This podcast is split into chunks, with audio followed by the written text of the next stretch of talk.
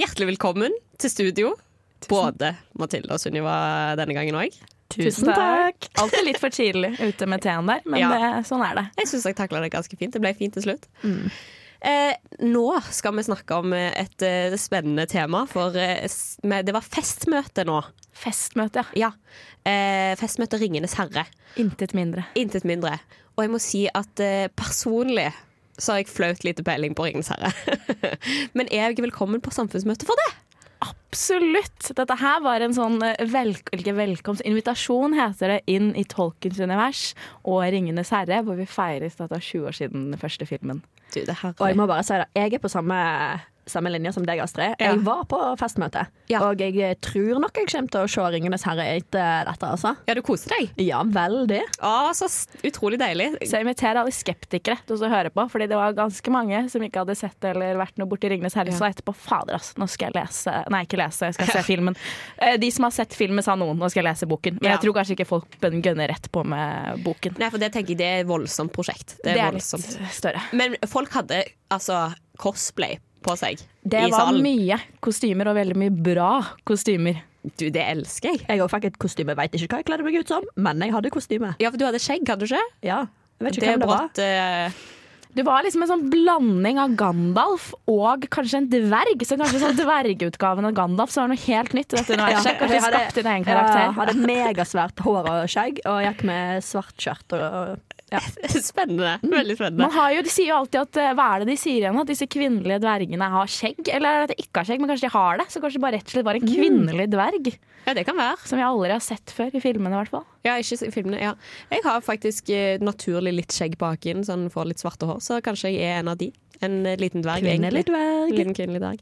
Eh, kan, eh, bare sånn, for de som ikke er sånn eh, verken eh, Ringenes herre-fans, men heller ikke så veldig samfunnsgjengere, hva er forskjell på et festmøte og et vanlig samfunnsmøte? Festmøte er rett og slett at vi velger litt morsommere, mer gøyale temaer. Ja. Eh, så det skal være litt mer bare moro. Eh, så typ Ringenes herre. Ja. Eh, og så er det det at vi har litt mer kunstnerisk. kunstnerisk. Så vi starter hele møtet med Stridens, som eh, spiller musikk og ablegøyer. Og så hadde vi symfoniorkesteret til Studentersamfunnet, som spilte um, utdrag fra um, Howard Shore sin musikk, som er fra Ringenes herre. Så for de som er skikkelig fan, gå inn på YouTube og sjekk det ut, så får dere Ja. sett et fantastisk musikkstykke. Og så synger man litt allsang, så det er bare slett litt ekstra gøy. Storsalen er pyntet. Ja. Det skal liksom være feiring. fest. Så, du skal ikke inn på, på måte, de geopolitiske spørsmålene, man skal kose seg bare. Ja. Og så prøver vi alltid å få samfunnsmøtene til å være gøy. Så det er ikke Ja. det at de andre ikke er gøy, men her er det litt ekstra trykk på fest, rett og slett. Og jazzing. Fest, jazzing og feiring. Ja, Ja. så herlig. Eh, Da er jo på en måte, jeg vil jo at folk skal høre på den podden, men jeg vil òg at folk skal komme på samfunnsmøtene. Så når det er festmøte, så er det i hvert fall vits å komme, da, for der får du jo eh, de eh, kunstneriske innslagene i Absolutt. full ståhei. Eh, deilig. OK, vi må inn på temaet her. Eh, hva, eh, 20 år siden 'Ringenes herre', hva er det dette her betyr for folk, egentlig? Hva, for de som er fans, eller som har eh, vokst opp med dette her, hva er 'Ringenes herre' for de? Altså, det er eh, så enormt, og det var veldig interessant å høre innlederen snakke om, fordi det ble jo han ene eh, Nils Ivar han var med og stapte mm, Norges Tolkenforening, og det var i 1981, som er en god stund siden. Ja, Det er lenge siden. Eh, Det er Nils Ivar Agøy. altså. Stemmer, Mm. ja. Eh, og det som var interessant, det var at eh, Anette eh, Lauenborg Ja. Er litt dårlig på navn, men jeg tror jeg husker riktig nå. Riktig. Eh, hun fortalte at det var en endring som man så når filmene kom. Fordi Før det så var det bøkene, og man følte at det var en sånn liten nerdegjeng. Og det var en litt sånn unik liten gjeng som var veldig opptatt av Ringenes herre. Ja. Og så kom filmene, og så bare poppet det opp fans overalt. At det var dritmange som hadde egentlig lest bøkene og som var interessert. Så bare viste det seg at det var egentlig en svær masse med folk som var kjempegira. Så hun hadde blant annet stått i denne køen for 20 år siden utenfor Colosseum i Oslo. For de hadde lagd en borg og liksom eh, vært skikkelig eh, på ballen. Ja. Så hun sa at det var liksom det som var så fint, at det var sykt mange. Og så gjorde det ikke det at det var kjempemange som er fan, så gjorde ikke det til at folk sluttet å være fan, de mest fan, og det ble liksom ja. en sånn popkulturgreie som gjorde at da folk forlot det. Ja. Det har liksom bare holdt seg, selv om det er kjempemange som er fan, så bare fungerer det? Jeg føler det nesten som sånn eh, at dette er, var Reddit før Reddit. da At du tror at du har en, eh, eh, en spes Ja, en veldig sånn der annerledes interesse, men så går du på internett, og så fatter du faktisk at det, det er ikke bare ja. jeg som elsker dette, liksom. Åh, det er så nydelig. Men ja, Norsk Tolkenforening. Ja. Altså, hva driver de med der? Hva er, hva er liksom, hvordan finner de nye ting å snakke om? Jo, men det, eller det, her, her måtte de helst ha svart selv, da. Men dette er til Ja. Dine for de som er interessert. eh, Og det er veldig mulig å bli medlem, det sa de. Ja. Eh, så, men eh, det for, eller sånn, det jeg vet, de holder jo for liksom, hva heter det, samlinger eh, og en del sånne ting. Men det de var så opptatt av, i hvert fall Nils Ivar Age snakket en del om, er jo det at det som er så fantastisk med Ringenes herre, er at det er så mye mm, materiale, og også så mye som du kan liksom fantasere og videreutvikle selv. Så det Ja. er liksom et univers som liksom fortsetter og strekker seg ut, og er ganske sånn gigantisk. Du har Ja. liksom Ringenes herre som er én liten del av det. Ja, ja, ja, ja. Eh, men så har det liksom et fullt univers, og det snakket vi også om at eh, Tolkien er kanskje den i verden som er best på å skape liksom verdensbygging. Mm. På å skape en helhetlig fant fantasiverden. Ja. Eh, hvor man eksempel J.K. Rowling har en del kritikker på at det er en del hull. For eksempel så er det denne eh, fjerde boken hvor det kommer disse fra forskjellige skoler. Ja. Hvor det viser seg at det er liksom Å ja, det er tre andre skoler hvor to av de er rene gutte- og jenteskoler. Ja. At det er et litt sånn mangelfull univers, da. Mens Tolkien har skapt et veldig sånn helhetlig som liksom. du kan fordype deg i stor grad i. Ja, og er det litt sånn at uh, Ringenes herre-fans De syns at Harry Potter er litt wack? Det vet jeg ikke. Eller jeg tror Ja. kanskje det er en god del overlapp. Jeg Ja. tror ikke nødvendigvis at man trenger å Velge side? Nei, de mest ihuga er jo Ringenes herre-fan, og de Ja. tror jeg man burde sikkert ikke bruke så mye tid på annet. Men jeg syns i hvert fall personlig at det er veldig forenlig. Så selv om jeg dissa litt på Harry Potter nå, så er jeg veldig glad i Harry Potter. også. ja, ok, men det er godt. Eh, vi har eh, snakka om eh, to av villlederne, men det var en siste. Christer Bakke Andersen.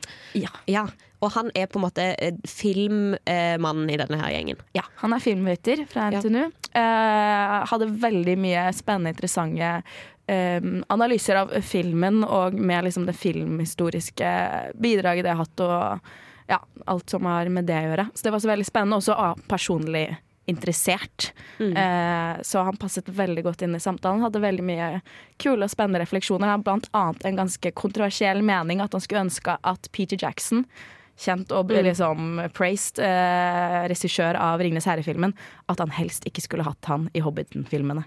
Oi!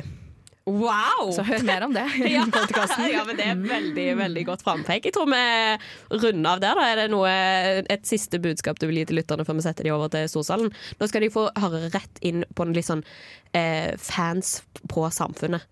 Eh, som snakker litt først, før vi går over på sofaprat. Stemmer. Og eh, hvis du skulle vært i der, hva ville du sagt? Hva er, det, liksom, hva er det som er så flott med 'Ringenes herre'? Personlig. Jeg greier liksom ikke helt å sette ord på det. Eh, det, er, eh, det er bare et litt sånn fantastisk univers å kunne leve seg inn i. Og jeg kledde meg selv ut som alv på lørdag, og det var bare sånn ah, Jeg følte jeg kom litt hjem. Men du så veldig flott ut, det må jeg bare si. Takk. Veldig, veldig bra kostyme. OK, da eh, må dere bare kose dere med festmøte inn i øret. Eh, takk for at dere kom i studio. Takk. Takk, takk. 20 år siden Ringenes herre-triologien ble sluppet ut. Hvorfor tror dere at det er like populært 20 år etter? Why are people still excited to see the sunrise in the morning? I mean, Lord of the Rings is, as far as we know, fantasy. Ja, og så er jo filmene også en helt spetakkel uten like. Eh, så det, det fanger deg, og så blir det jo eh, fordi det er, man har et eh, engasjement for det man liker, og så er det et utrolig stort eh, en utrolig stor verden av fans da, som er like glad, i, like glad i det. Og da er det veldig gøy å høre om nye ting og høre hva andre synes. Det er jo en fantastisk historie, da. Det er jo en enkel og fin, litt sånn straight forward. Det gode mot det onde, rett mot galt. Og så eh, en lykkelig slutt, hvor de små kommer seg gjennom til slutten. Hva er din favorittscene fra 'Ringenes herre'? I den tredje filmen, eh, når eh, Frodo og Sam har blitt eh, tatt til fange av eh, Faramir, hvor eh, de har helt klart mistet litt håpet Og så har eh, Sam en veldig rørende tale til Frodo. Utrolig koselig del av filmen, og det er, eh, man sitter jo litt på gråten. Også liksom, når de på en måte alle møtes eh, for første gang, og du på en måte ser liksom hele gjengen stå i Riverdale, eh, og de på en måte er klar til å på en måte gå ut på store, det store eventyret, og er på en måte det eneste gangen også du får den derre faktiske, kjente filmmusikken som på en måte alle nynner på. Den eneste gangen hvor på en måte den spilles i sin helhet. Man får på en måte snipp av den gjennom filmen eh, med liksom eh, en symbol symbal her og en trompot, mm, trompot trompet her. Men liksom da på en måte ting samles, og du bare føler på en sånn ah, eventyrlyst. Har dere lest boken? Eh, og i så fall, hva liker dere best av boken eller filmen? Well, yes, read the books. Don't bite my head off for this, but I do think the movies are better. Uh, jeg kommer meg så langt. så jeg har prøvd flere ganger å lese, uh, lese dem, men uh, og, jeg koser meg jo med en gang jeg setter meg ned og leser, men det, her, det er jo et beist uten like. Så Men filmene er jo fantastiske, og de på en måte gjør den nytten man trenger. Og så er de jo mye mer konsise. Man får jo på en måte litt den samme historien. Eh, selv om det er veldig gøy å høre på tolken som eh, forklarer landskap. Eh, så er det jo også ganske enkelt å bare få New Zealand den reklame med panshot. Jeg har lest boka. Eh, det er veldig vanskelig å velge, syns jeg. Fordi de er underholdende på veldig forskjellige måter. Man, eh, bok setter du deg ned på en måte og koser deg litt med, mens eh, filmer kan du på en måte ta inn på veldig mange forskjellige måter. Du kan eh, se alle i ett i et maraton, eller så kan du bare sette deg ned på en kveld og se en av de, og du kan se det med venner som gjør det til et helt nytt sosialt aspekt. da. Eh, så favoritt Jeg tror jeg må si filmer. Fordi jeg har sett filmene veldig veldig mange ganger, og jeg er veldig glad i filmene. Hva er deres favorittquote? All we have to decide is what to do with the time that is given us av Gandalf til Frodo. I don't know half of you half as well as I should like, and I like the less than half of you half as well as you deserve. Og så blir alle forvirra. Så sånn Hæ? Hva er det han mener? Kan dere prøve å gjenskape et øyeblikk fra Ringenes herre? They're taking the hobbits to Isengard. Tell me, Legolas, what do your elf eyes see? They're taking the hobbits to Isengard. Er det verdt å se Extended Edition? Det er uh, definitivt for de med spesiell interesse, men uh, absolutt veldig gøy. Ja. Yes. Har dere noen eh, Ringenes herre-rekvisitter? Ja, jeg har jo vært i der de filmet i Hobbiten, i uh, New Zealand. Og der har jeg blant annet fått meg en liten fortsettelse av eh, Ringenes herre-shotglassene mine. Så da har jeg, tror jeg, eh, 14 stykker. Noe sånn. 14 eller 15. Eh, så det er nok favorittene mine. Uh, det her er liksom uh, samlekompendiet av alle tre bøkene, er derfor den er utrolig tjukk. Og så har den jo verdens minste tekst også, så det er jo uh, en gigantisk bok. Hobbiten på engelsk, Hobbiten på norsk. Alle tre filmene extended edition, som jeg fikk av min bror til jul et år, tror jeg det var. Ja. Og så har du The One Ring to rule them all, of course. Because what's a better fashion statement than power? Hvis dere har en venn som ikke har sett Ringenes herre, hvorfor burde de se nettopp denne trilogien? Da tror jeg de har kommet til feil person, for da tror jeg de får en sånn eh, overengasjert, irriterende person som bare har lyst til å fortelle alt eh, de, de kan. Det er jo det er gjort om til en eh, vits, det egentlig, om den eh, scenen som hvor Aragorn brekker tåa si når han sparker et eh, orkehode. Og så skal liksom Viggo Mortensen, aka Aragorn, sparke en hjelm. Og så brekker han faktisk tåa, og det er liksom det hylet han på en måte ut, eh, liksom tar ut da, er så utrolig ekte. Men også fordi han faktisk har det vondt. alle har lyst til å fortelle, for alle kan den fun facten. Og så syns jeg synd på de som eh, ser uh, Ringenes herre-filmene med sine altfor eh, engasjerte venner for første gang. For da kommer de til å få høre det. It's so good, it makes me angry. the music, the scoring is beautiful. It completely takes you to another world that you can recognize, but is far enough that it's totally safe for the viewer. It's magical story of friendship, heroism, good versus evil, and in the end, you leave the theater feeling good about the time that you spent there. And I think in the end, if that's anything we're trying to get out of our media, that should be a piece of it. Se på filmene! Eh, Jeg har lyst til å starte litt her, som vi får høre med disse studentene som snakker om sin eh, fanhet. Og det er jo det at eh, for de fleste av oss her i salen, varierer litt i alder, men de aller fleste av oss var fem år eller yngre når filmen kom ut, og absolutt ikke levde når boken kom ut, i hvert fall. Kan vi vel trygt si. Um, og, men det er jo fortsatt slik at folk er ekstremt fan av Ringenes herre-universet, av Tolkien sin fortelling, men også av filmen. Eh, og det ut fra deres innledning, altså dere fortalte om, så lurer jeg på hvorfor er man så fan av Ringenes herre? Hva er det som er så fantastisk med denne verden? Har du lyst til å begynne med dette? Å, hjelp. ja. Jeg vet ikke hvor man skal begynne, egentlig. Nei. Jeg tror nok, altså, som Nils Ivar også sa, han kom jo med en del grunner. Og jeg kan jo egentlig bare skrive meg opp på de fleste av dem. Men jeg tror nok særlig for meg at det var den opplevelsen av at eh, det er noen verdier som ikke nødvendigvis eh, vi snakker om hele tiden, men som gjennomsyrer bøkene. Og særlig det med personlige valg. Og at selv den minste person kan gjøre kan i hvert fall sette i gang store omveltninger.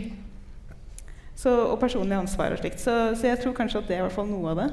Og så bare sende det elegant. Volleyball videre. Okay. Hvorfor ble du interessert i dette, Nils Ivar? Hvorfor jeg ble med? Ja, det var jo rene tilfeldigheter.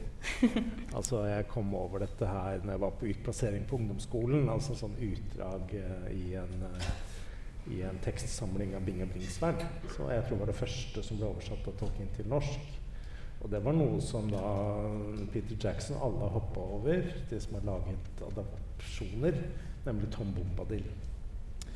Så det det var en ren tilfeldighet. Men for å ta spørsmålet ditt jeg, altså Som Anette sa, jeg, jeg prøvde jo liksom å si noen grunner. Eh, men dette er et veldig stort tema, som jeg kunne snakke om hele kvelden. Så én ting som jeg da bevisst hoppa over, det var jo det som kanskje gjelder eh, mange sånn yngre fans. da. Det er jo dette her at uh, du har en veldig detaljert skildra verden med språk som på sett og vis fungerer. med Altså Du kan fordype deg i Midgards liksom, geologi og liksom, uh, samfunnsstrukturer. og sånn, altså Det er stadig mer oppdaget, Så det blir jo Det har jo den appellen altså Det, det sånn, det har en nerdeappell, da. Eh, som har med dette her med world building å gjøre, sånn som vi nå har fått uh, i veldig mange andre fasonger. Men uh, jeg tror jo fortsatt at det som gjør at denne boka fortsatt er populær etter uh, over 65 år, det har mer å gjøre med de der andre tingene som gjør at folk kan komme tilbake til den gang på gang på gang på gang.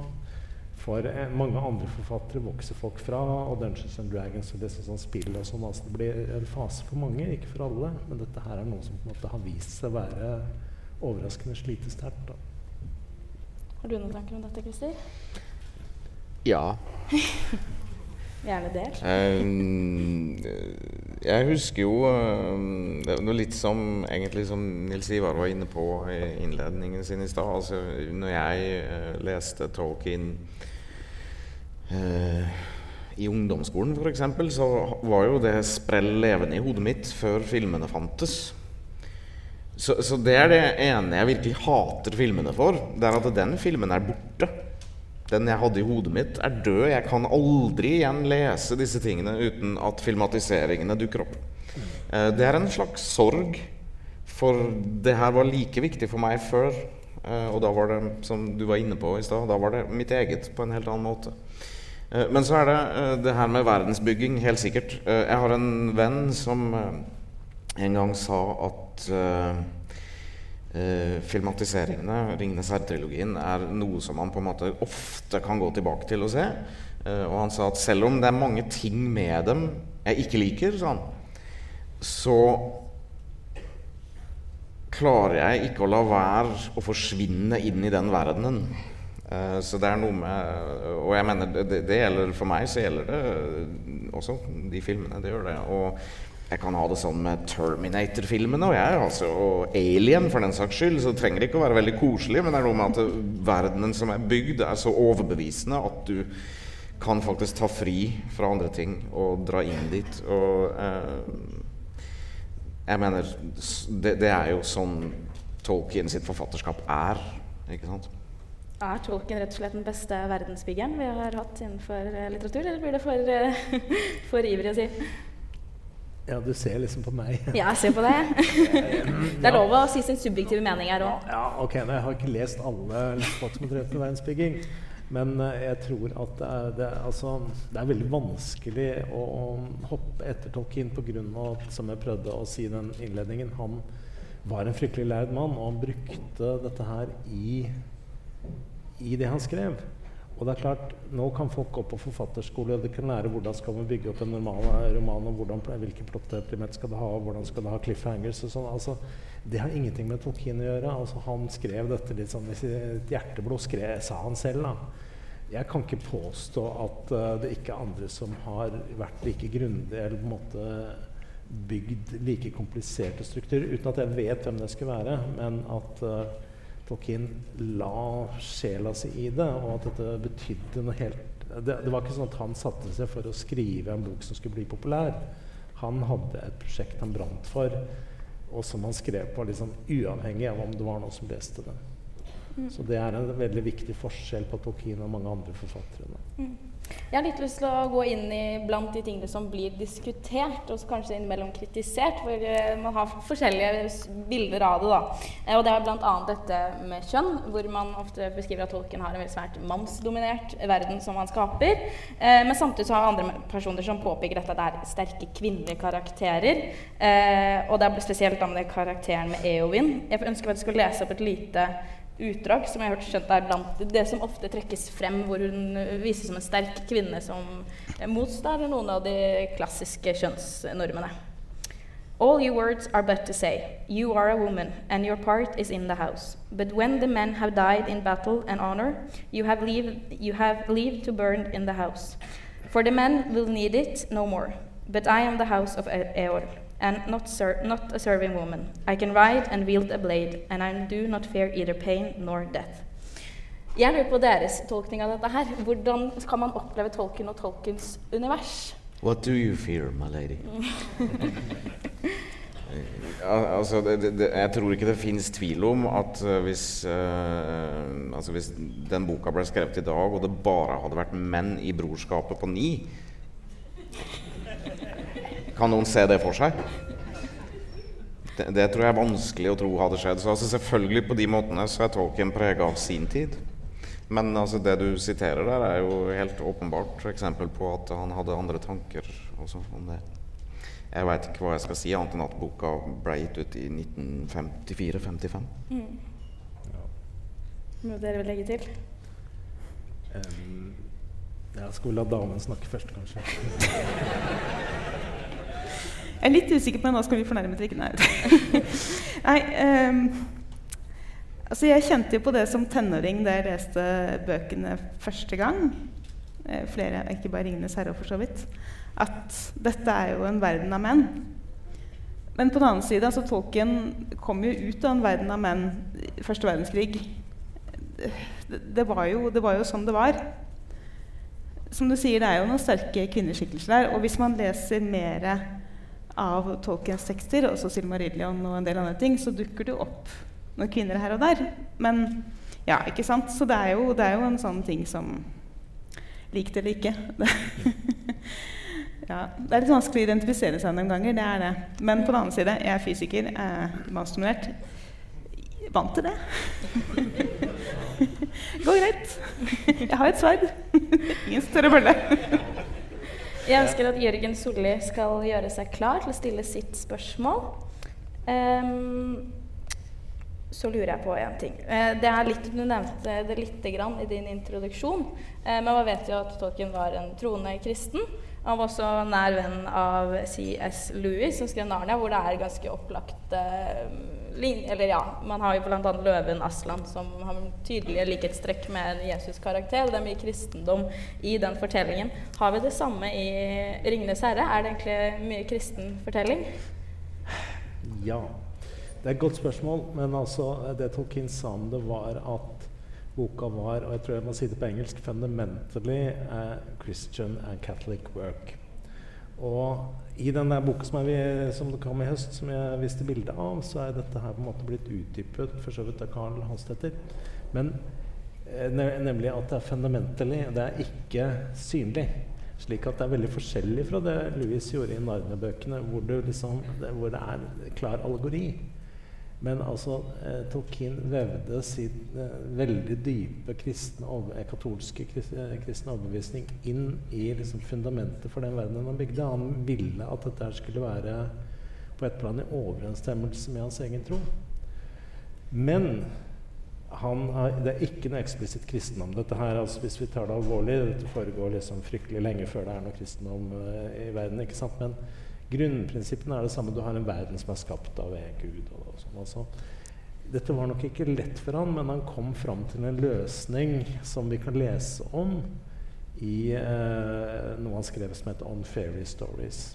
Jeg skal ikke bli veldig teknisk her, men altså ja det, er, ja, det er helt fundamentalt et kristent verk, men nei, og det var det jeg prøvde å si noe om. Mm. Tolkien er ikke forkynnende. Han presser ikke dette her på noe, men han holder liksom fram en del verdier da, som han mente var de sanne. Vi behøver ikke være enig i det, men han var overbevist om at dette her var, det samme, eh, var, var noe som gjaldt uavhengig av om du trodde på det eller ikke. Da. Mm. Så er det selvfølgelig mange som blir sure. altså De liker ikke kristne, jeg vil ikke ha liksom, det blanda opp i den forfatteren de liker og sånn, men eh, sorry. Du har kommentar, Christer?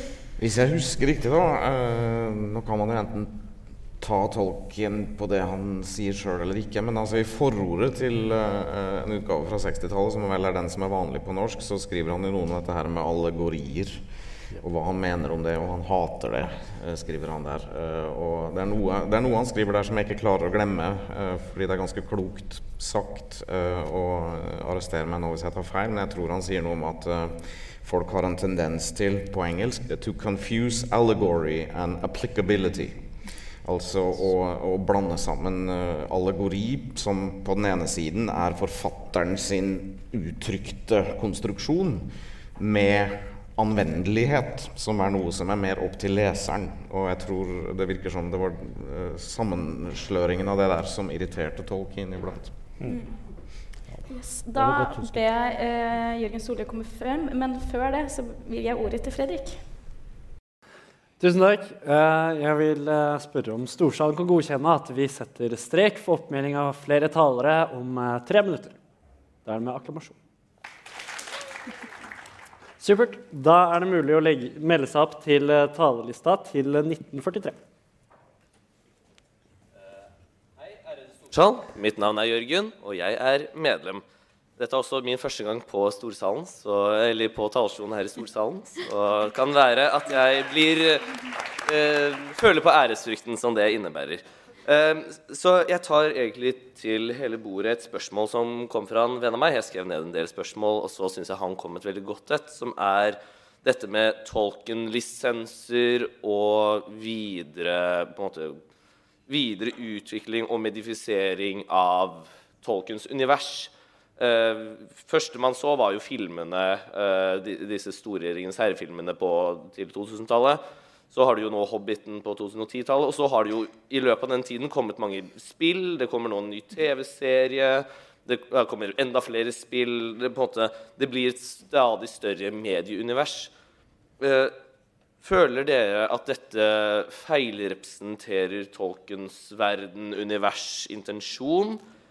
Eller er det på en måte en ny bølge som vil gi videre gi liv til Tolkens univers, til et nytt publikum? Ja, Anette, vil du Nei, jeg bare Jeg har hørt det samme spørsmålet i 20 år. Eh, og det er et veldig Det er et veldig bra spørsmål. Min personlige holdning er boka er den samme hele tiden. Eller bøkene er de samme hele tiden. De endrer seg ikke. Og så bygger folk på toppen av det. Og så tenker jeg at da velger du det du liker. Og så er det greit. Ja. Kan jeg Ja. Ja, jeg kan få si meg enig med Anette. at altså Bøkene og det, det Tolkien skrev, det står seg. liksom Jeg tror ikke det kommer til å være populært eller ikke populært om 100 år pga.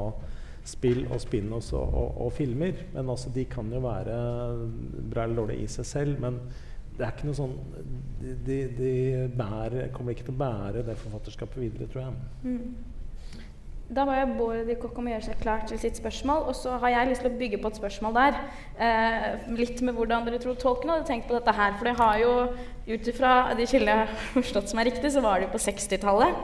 Så hadde man jo de kjente Beatles som ønsket å lage 'Ringenes herre'-filmene. Da med Paul McCartney som Frodo, Ringo Starr som Sam, George Harrison som Gan Gandalf og John Lennon som Gollum. Eh, dette vil også innebære Beatles-musikk istedenfor det vi hørte fra Symfoniorkesteret ved Studentersamfunnet her tidligere i dag. Men dette ønsket jo ikke tolken. Eh, hva tror dere han hadde tenkt om eh, de filmene som ble laget nå? Oi, du um, Altså, det kyniske svaret er jo at Tolkien solgte rettighetene til mye av det her i sin tid. Ehm, men så mener jeg vel også å ha fått med meg at hans sønn Christopher, uh, som på en måte har vært uh, hva skal vi si da, vergen for hele forfatterskapet og, og produsert enorme hyllemetere sjøl etter hvert uh, om faren sitt forfatterskap Så vidt jeg forstår, så hata han Hobbiten-filmene. Det tror jeg han sa i et intervju i Frankrike for noen år siden. han syntes det var en perversjon av Men altså Samtidig, da, han er Christopher Tolkien. Ikke sant? Altså eh, Hva hadde professoren sagt? Ja. Christopher Tolkien likte jo ikke de første Lord of the Rings-filmene heller, han da. Men jeg tror personlig at Tolkien ville hatt ganske stor sans for uh, 'Ringenes herre'-filmatiseringen. Han ville irritert seg veldig veldig, veldig mye over en del sånn karakterdrap og liksom sånn uh, umotiverte endringer og, og sånt noe. Men jeg tror han ville hatt sans for at her, her sto man overfor noen som faktisk har tatt stoffet hans alvorlig. Så er det to ting. Det ene er at Tolkien sa, mente opprinnelig at han ville gjerne trekke et sånn mytologisk rammeverk som andre kunne bidra til. Med å male og liksom skrive operaer og sånn. Og så, når han da faktisk ble konfrontert med folk som ville bruke stoffet hans, f.eks. som du sier på 60-tallet, og filmprosjekter og sånn, så var han jo nådeløs. Altså han slakta det totalt. Og var veldig spydig og ironisk. Så, altså, så, tull ville han ikke ha, folk som ikke hadde lest dette grundig. Eh, altså, det, han var meget hard der. Men som du sier, han hadde jo solgt rettighetene da. Tror vi går videre til neste spørsmål. Da kan Bård Kokk komme på scenen, og så kan Isak Bjung gjøre seg klar. Takk. Eh, Erde storsal, mitt navn er Bård, jeg er medlem. Eh, og mitt spørsmål handler litt om samme tema. Eh, jeg har nylig sett på den eh, sovjetfilmatiseringen av 'Ringenes herre' fra 80-tallet. Uh, eh, som er en opplevelse, kan jeg si. Den sløyfer ikke Tom Bombadil. Um, men spørsmålet er da egentlig um, Er det rom for flere forsøk på å filmatisere bøkene? Akkurat de tre bøkene som vi, som vi snakket om. Og hvis dere kunne bestemme hva man skulle gjøre, hva skulle man da gjøre annerledes i et nytt forsøk? Eh, enn Peter Jackson har gjort med sitt? Det er et veldig godt spørsmål, men jeg må be dere holde svarene deres litt lang, nei, korte, for det kan bli litt langt. Christer, skal vi starte med deg? Jeg ble litt usikker. Hva har jeg spurt, hva er jeg spurt om nå? Du har spurt om det er i orden, eller det burde kunne lages flere utgaver av okay, eh, filmene ja. til disse tre bøkene. I så fall hva altså, du ville altså, ønsket var annerledes. Eh, jeg, for det første så tror jeg det er helt uunngåelig. Altså I et langt nok tidsperspektiv så kommer det garantert til å skje. Altså, når fikk vi den siste utgaven av Batman, liksom? Altså, eh, Så lenge dette her er rettigheter som omsettes, og noen har rett til å lage noe av det, så kommer det til å skje. Eh, men eh, jeg tror eh, Altså den TV-serien som Jørgen tror jeg nevnte, at det kommer jo en Amazon Prime-serie i september 2022, altså om et snaut år. Og der forstår jeg at dette her med rettighetsproblematikk er litt sånn innvikla. De har fått lov til å benytte seg av enkelte ting. De er så vidt jeg forstår helt avskåret fra å gjøre noe direkte fra 'Ringenes herre'. Stemmer det? Det, det, er, Det er noen andre tideverv som er eh, Ja, altså de har vel for, Rettighetene til Ringenes herre, de har de jo brukt. Ja. Det de ikke har rettighetene til, er uh, Silmarillion. Så ble jeg fortalt av terapeuten at jeg har kanskje kjøpt noen deler av det. Men altså, Ja, for Silmarillion var holdt utenfor den Amazon. Silmarillion var, var holdt, eh, holdt utenfor, så det betyr at de i utgangspunktet måtte lage på grunnlag av tilleggene til 'Ringenes herre', og det er ganske magert hvis du skal holde til andre tider. Men altså ærlig talt, bottom line eh, vi, vi sitter jo her og feirer 20 år siden eh, akkurat den første av de tre filmene der, og jeg tror Hva skal til for at det blir bedre likt enn det som allerede finnes, og som folk ser om igjen og om igjen og uansett, og som ikke er utdatert, egentlig, verken eh, estetisk eller teknisk? Så jeg kan få veldig kort. Kan Du- jeg stille Sanne spørsmål? Er det Ja. mange her som har sett Ralf Bakshi's Lord of the Rings? Rekk opp hånda. Det var ikke mange. 'Ringenes herre' har vært filmatisert før. Er det mange som har sett Rankin Bases um, filmatisering av um, 'The Return of the King'? Nei, det var én. Ok. Så, så du har helt rett. Dette her kommer til å bli filmatisert i forskjellige versjoner etter hvert. Men jeg tror at Jackson-filmene kommer til å bli stående som hovedversjon veldig lenge igjen. Det er sånn personlig. Mm. Jeg vil ha en serie. Jeg vil ha 'Ringenes herre' som serie. Mer. Mer. Mer, mer til og med, kanskje litt Du vil ha tombo Tom Bombadil inn? Fra før selve 'Ringenes herre'-handlingen, eh, bare som bakgrunnsgreie i starten. Med Ringenes herre. Eh, Jeg ber Isak Bjung gå på scenen og Jens Ølberg om å gjøre seg klar. Er det storsal. Jeg, er, jeg heter Isak Bjung, og jeg er medlem. Um, som dere snakka om, så var Tolkien en mester på verdensbygging. Men jeg er også veldig interessert i historieoppbygging. Og dere kjenner nok til um, da historie... Eller fortellergrepet Deus ex machina, Gud gjennom maskinen, som er å eh, gripe inn i historie eh, med redning på en tilsynelatende uløselig situasjon. Og dere har sikkert allerede gjetta for at jeg tenker på eh, Manues ørne, som Tolkien bruker flittig eh, på, for å løse en del, eh, en del konflikter i bøkene sine. Um, og jeg, jeg tar ikke det her opp blott for å kritisere Tolkien, det tenker jeg blir for enkelt. Men jeg er oppriktig in interessert i deres refleksjon rundt det grepet. Er det et godt grep? Er det et dårlig grep? Er det nødvendig for fortellinga? Hva har dere tenkt om det? Takk for meg. Ok, jeg, jeg får starte siden eh, folk her er så nølende. Jeg, jeg, altså Deus ex machina, altså her kommer disse ørnene og redder situasjonen gang på gang. Det er ikke rart at Tolkien ble kritisert for det. Altså Det virker litt sånn billig. Samtidig så er det sånn vi skal se at dette her er ikke noe som skjer ofte. altså men det er faktisk Deus, altså Gud, ex machina. Altså det er et bilde på dette her med Erus, Guds inngripen, liksom der hvor ting står, eh, står litt eh, på, på en knivsegg. Men altså, det er ikke slik at ringen ville ha blitt eller ikke blitt ødelagt. Altså det, på grunn av dette her. Det er liksom ikke det helt avgjørende, kan du si. Men jeg, jeg har ikke sånn veldig sans for at han valgte akkurat den løsningen. Altså, jeg vet ikke. Jeg syns jeg ser akkurat det med, med sånn inngripen fra Gud. Det, skjer jo flere ganger. Det er jo ikke bare ørnene. Det er jo, det er jo flere ting som, hvor det står sånn at uh, hvis det er en tilfeldighet, står det faktisk i teksten. Mm. Ting som skjer som, uh, som, som blir liksom hintet til at dette her kommer fra et sted. Uh, det, det er selvfølgelig da opp til karakterene å gripe mulighetene og slikt, men ja, Så det er jo ikke den eneste gangen slikt skjer. Men ørnene er jo mest, noe av det mest åpenbare. Da. Må jeg be dere å holde kommentaren kort? det, Da det, skal det, jeg er uttrykk, det er et uttrykk for forsynet, da, som, jeg, som Anette sier. Det er liksom. Hvis du skal en så må du Ja, jeg må kort. bare si uh, Jeg er helt enig i dette her med Ørn, Men uh, Tolkien begynte å skrive på 'Ringenes herre' i 37-38. Og eh, den ble publisert i 54-55. eh, og når man leser Christopher Tolkien sin, sin lange arkeologiske gjennomgang av farens eh, arbeid med teksten gjennom mange mange, mange år, så er det helt opplagt at det å bygge en troverdig fortelling, det var en smertefull, langvarig prosess. Så jeg skal tilgi et par ørner. Fantastisk. Eh, vi får- Jeg ber Jens Ølberg om å komme opp, og Erik Sundån Kleppan om å gjøre seg klar. Uh, Jens medlem osv. osv. En av de tingene som jeg veldig elsker med kan jeg si, Ringens herre-universet, er på en måte det at det eksisterer noen ting som ikke helt kan forklares. En av disse er jo da Tom Bobadil.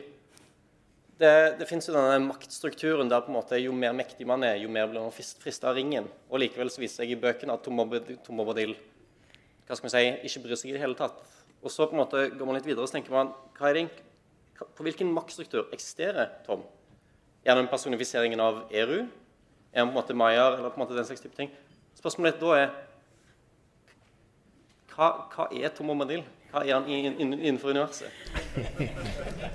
Jeg føler det er spørsmål som går til deg, Nils Ivar. Ja, dette her har vært eh, diskutert siden dag én. Eh, jeg tror at altså, noen um, Veldig mange lesere vil ha ting, alt til å passe inn i et system. Det får man ikke til med Tom Bombadil. Selv om altså, man, man, man, man, kan forsøke, og veldig mange kløktige folk har for så vidt, vidt forsøkt. Jeg tror jeg her vil lene meg til forfatteren selv, som sa at dette her forblir en gåte. Altså det, det er ikke meningen at man skal la, eh, klare å plassere Tom inn altså, Er det noen her som er- kjenner til The Prancing Pony Podcast? Det var ikke så mange. Er noen amerikanske folk som eh, lager en veldig populær podkast? De eh, prøvde å slutte seg fram til at uh, Tom Bombadil var en til overs ble en rest av liksom, fra verdens skapelse. Men altså, det var nok ikke det Tolkien hadde ment. Nei, jeg får egentlig rett og slett konkludere med at eh, man ikke, det er et mysterium. Og det er kanskje en av de som gjør det spennende opplevelser inn i boken òg. At man ikke helt får svar på alt. Men Det er lett å skjønne at uh, han ble, tatt, at han ble droppa fra filmene, som, som, ble, som på en måte lå i spørsmålet her òg. Fordi at den figuren i hvert fall i noe så fortetta som en filmatisering, så tror jeg man opplevde at uh, Oi, hva skjedde med kraften i den ringen nå, hvis Tom bare sto der og lo? Ikke sant? Så jeg skjønner hvorfor de droppa han. Da går vi videre til eh, neste spørsmål av Erik Sundvold Kleppan, og så kan Håkon Eide gjøre seg klar. Ærede stor, storsal. Jeg heter Erik. Jeg er medlem, og dette er første gang jeg står på, på talerstolen.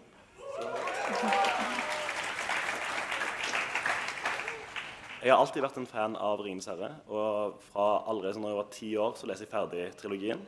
Var sykt begeistra. Så leser jeg 'Hobbiten', 'Silmarillion' og det meste jeg kunne finne. Og det var veldig kjekt. Jeg leste det meste på norsk. Og når man ser på liksom hvordan filmene har blitt så sinnssykt populære i dag, så er det jo pga. at bøkene har blitt populære over hele verden. Ikke bare den engelske versjonen, men også alle, på alle språk.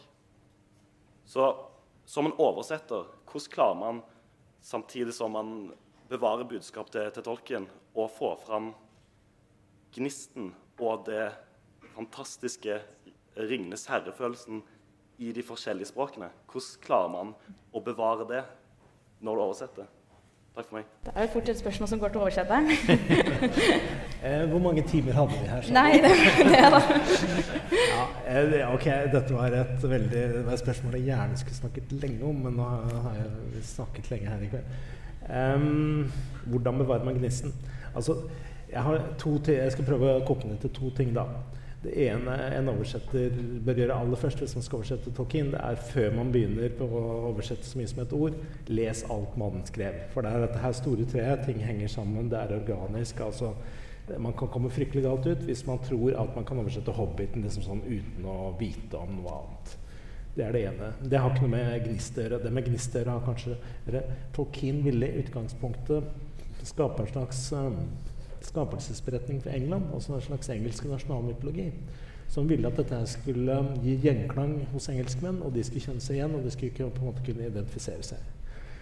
Oversetteren blir nødt til å velge veldig tidlig vil man at dette her skal gi norsk gjenklang for nordmenn, svensk gjenklang for svensker, kanadisk gjenklang for canadiere. Altså, dere skjønner, altså, skal, eller skal man, altså, hvordan skal man håndtere det? Jeg tror at den eneste måten å gi virkelig gnist, det er å forsøke å skjønne hva slags prosjekt det er man har med å gjøre, og ha dyp respekt for det. Hvis man tar oversettertolken som et uh, vanlig oversetteroppdrag, altså dette tjener jeg så og så mye på, jeg betaler husleie neste uke, da, da får man ikke noe gnist. Man må kanskje brenne litt for forfatteren, da. Supert. Da tar vi i kveld siste spørsmål fra Håkon Eide. Hallo. Jeg heter Håkon, og jeg er medlem. Og nå skal jeg også ta den korte skrytelista. Eh, Jeg har lest 'Ringenes herre', jeg har lest 'Hobbiten', og jeg har lest ca. 10-15 sider av 'Silmarillion'. Eh, Det, takk, takk. Eh, Det tror jeg ikke har noe med din oversettelse å gjøre, Nils Ivar. Og jeg har planer om å fullføre en eller annen gang. Men mitt spørsmål går på Utover de bøkene så er det også eh, en, et stort forfatterskap, og mye har blitt fullført av eh, Christopher Tolkien. Eh, så mitt spørsmål er hvor ville dere startet hvis man skal lese noe videre enn disse bøkene? Hva anbefaler dere? Takk. Yes, vi kan jo Siden det er siste spørsmål, så kan vi ta en liten rulle hvis dere, har, no- dere andre har noen tanker på det. Jeg har jo hørt rykter om at du leser på noen bøker om dagen. Jeg har veldig lyst til å svare på den. det. Ja. På grunn av at jeg syns man skal starte med det som uh, mannen faktisk ga ut før han døde. Altså selv, Det er ikke veldig mye å ha med Midgard å gjøre, men man bør lese de der mindre verkene hans. altså Smith og Bitten Major, Farmer Giles and Ham, Tree and Leaf, den type ting, som han faktisk sto inne for, og som belyser Midgardsbøkene. Ellers, neste, når du har lest Silmarillion og 'Ringenes herre' 'Hobbiten', det er ufullendte fortellinger som er den neste liksom, i rekka. Helt klart. Kan jeg legge inn et tips når det gjelder Silmarillion? Du trenger ikke lese fortellingene i rekkefølge. Du er ikke nødt til å lese den bibelske skapelsesfortellingen annet kanskje enn å zoome gjennom første gangen. Og så kan du gå til de store fortellingene som kommer senere, som faktisk eh, flere av dem er ganske selv... Hva blir self-contained på norsk? Selv... Nei. Self-contained. Ja, altså de, de, de står på egne ben. Okay, ja, de står på egne ben. de står på egne ben, og du kan lese dem én etter én. Og så kan du heller gå tilbake, for da kan det hende at det gir litt mer mening. Så tips jeg alltid gir når det gjelder Silmarillion. Altså, jeg, jeg skjønner godt at folk kan bli skremt av starten på Silmarillion. Det er et veldig eh, høyt svevende. Jeg slutter meg til uh, alt det her, men jeg tror jeg vil gjenta det med ufullendte fortellinger i din oversettelse. Uh, og den kan også øh, Den kan også behandles som Silmarillion. Du trenger ikke å starte på starten og bla deg fram til slutten. Du kan hoppe rundt omkring etter det du syns ser interessant ut, og det kan være veldig givende. Jeg skal snike inn og trener tiden helt på slutten her, men et siste eh, prøve å holde det lite spørsmål. Eh, og det er jo som vi snakket om i dag, så er ingen særfilmene. de er ikke bare godt likt, men altså kritikerrost. Har fått eh, eh, første VG 4-Oscar, den andre to og den tredje elleve Oscar. Em, og eh, Peter Jackson fikk jo mye ros for sitt arbeid. Samtidig så gikk det ikke like bra med Hobbiten-filmene. Eh, og en av historiene jeg har hørt, som jeg ikke vet helt hvor reell er, er jo det at bl.a. Christopher Lee, som spilte Sauroman, eh, var en veldig veldig Tolkien-fan Jeg gikk rundt på settet og eh, passet på at folk gjorde det riktige. At hvis folk var litt feil eller det ikke stemte etter boken, så ble det rettet på. Eh, men mitt spørsmål er hva er det dere tror er viktig for at seriene som nå kommer, skal bli gode? Hvis dere har i det hele tatt noe tro på serien. Kan jeg bare si hva jeg håper? Ja, det er perfekt. Jeg eh, hadde håpet at Hobbiten-filmene hadde løsrevet seg litt mer fra Ringenes herre-filmene, rent sånn stilmessig. Derfor så var jeg lei meg når Guillermo del Toro falt fra det prosjektet. Eh, jeg skulle ønska meg en annen regissør enn Peter Jackson på de filmene. Så det er å banne i kirka, egentlig. Men, eh, så det er det jeg ønsker meg av TV-serien til Prime. Altså. At, uh, altså, jeg håper uh, man får andre innfallsvinkler til det. Og at man ikke er altfor opptatt av å ligge i tråd med Peter Jackson og The Lord of the Rings-trilogien. Mm. Hva med deg, Anette? Det du sier der, er morsomt. Jeg, eh, det er jo The Tolkien Society i England. Det er liksom moderforeningen til alle disse Tolkien-foreningene. De begynte jo mens Tolkien var i live og sånn. De hadde et arrangement nylig hvor de snakket om akkurat det her. Hva håper de kommer? Det var en som snakket om eh, Numenor, det her riket til menneskene. Kan vi få steampunk Numenor? Og jeg tenkte åh, det hadde vært så kult! jeg tror ikke vi får det. Men som du sier, altså hvis de klarer å lage noe som, som gir en ny innfangsvinkel, som kanskje har litt ny estetikk, og man klarer å fortsatt gjøre det tolken Hvis man klarer å gjøre det tryllekunsten der sånn, da tror jeg det blir fantastisk. Hvis de, derimot, eh, hvis de derimot prøver å gå for mye Peter Jackson, og samtidig kanskje finne på historier som er mer sånn der eh, Vi skal prøve å lage den nye Game of Thrones. eh, da er jeg skeptisk. Men jeg, jeg, jeg er sånn, hva var det de sa? Cautiously optimistic. Ja. Mer optimistisk enn cautious. Da får du siste ord her i kveld, Nils Ivar. Ok. Ja, nei, men Jeg er jo enig med begge de to foregående talere. Og så synes jeg, Når det gjelder Hobbit-filmene altså, Hvis man hadde respektert at dette faktisk er en barnebok Det er ikke en actionbok som er skrevet for 20-åringer som gjerne vil ha eh, litt sex og vold og sånn. Altså, så hadde man kommet mye bedre, bedre fra det. Men altså helt enig i det som eh, begge, både Christer og Anette har sagt. Altså, for å gjenta meg sjøl, da. Det er liksom respekt for hva slags type prosjekt dette er. Hvis man har den respekten, så kan man komme, da kan man komme unna med det. Med det takker vi av fra sofapraten her og setter tilbake igjen til Fredrik.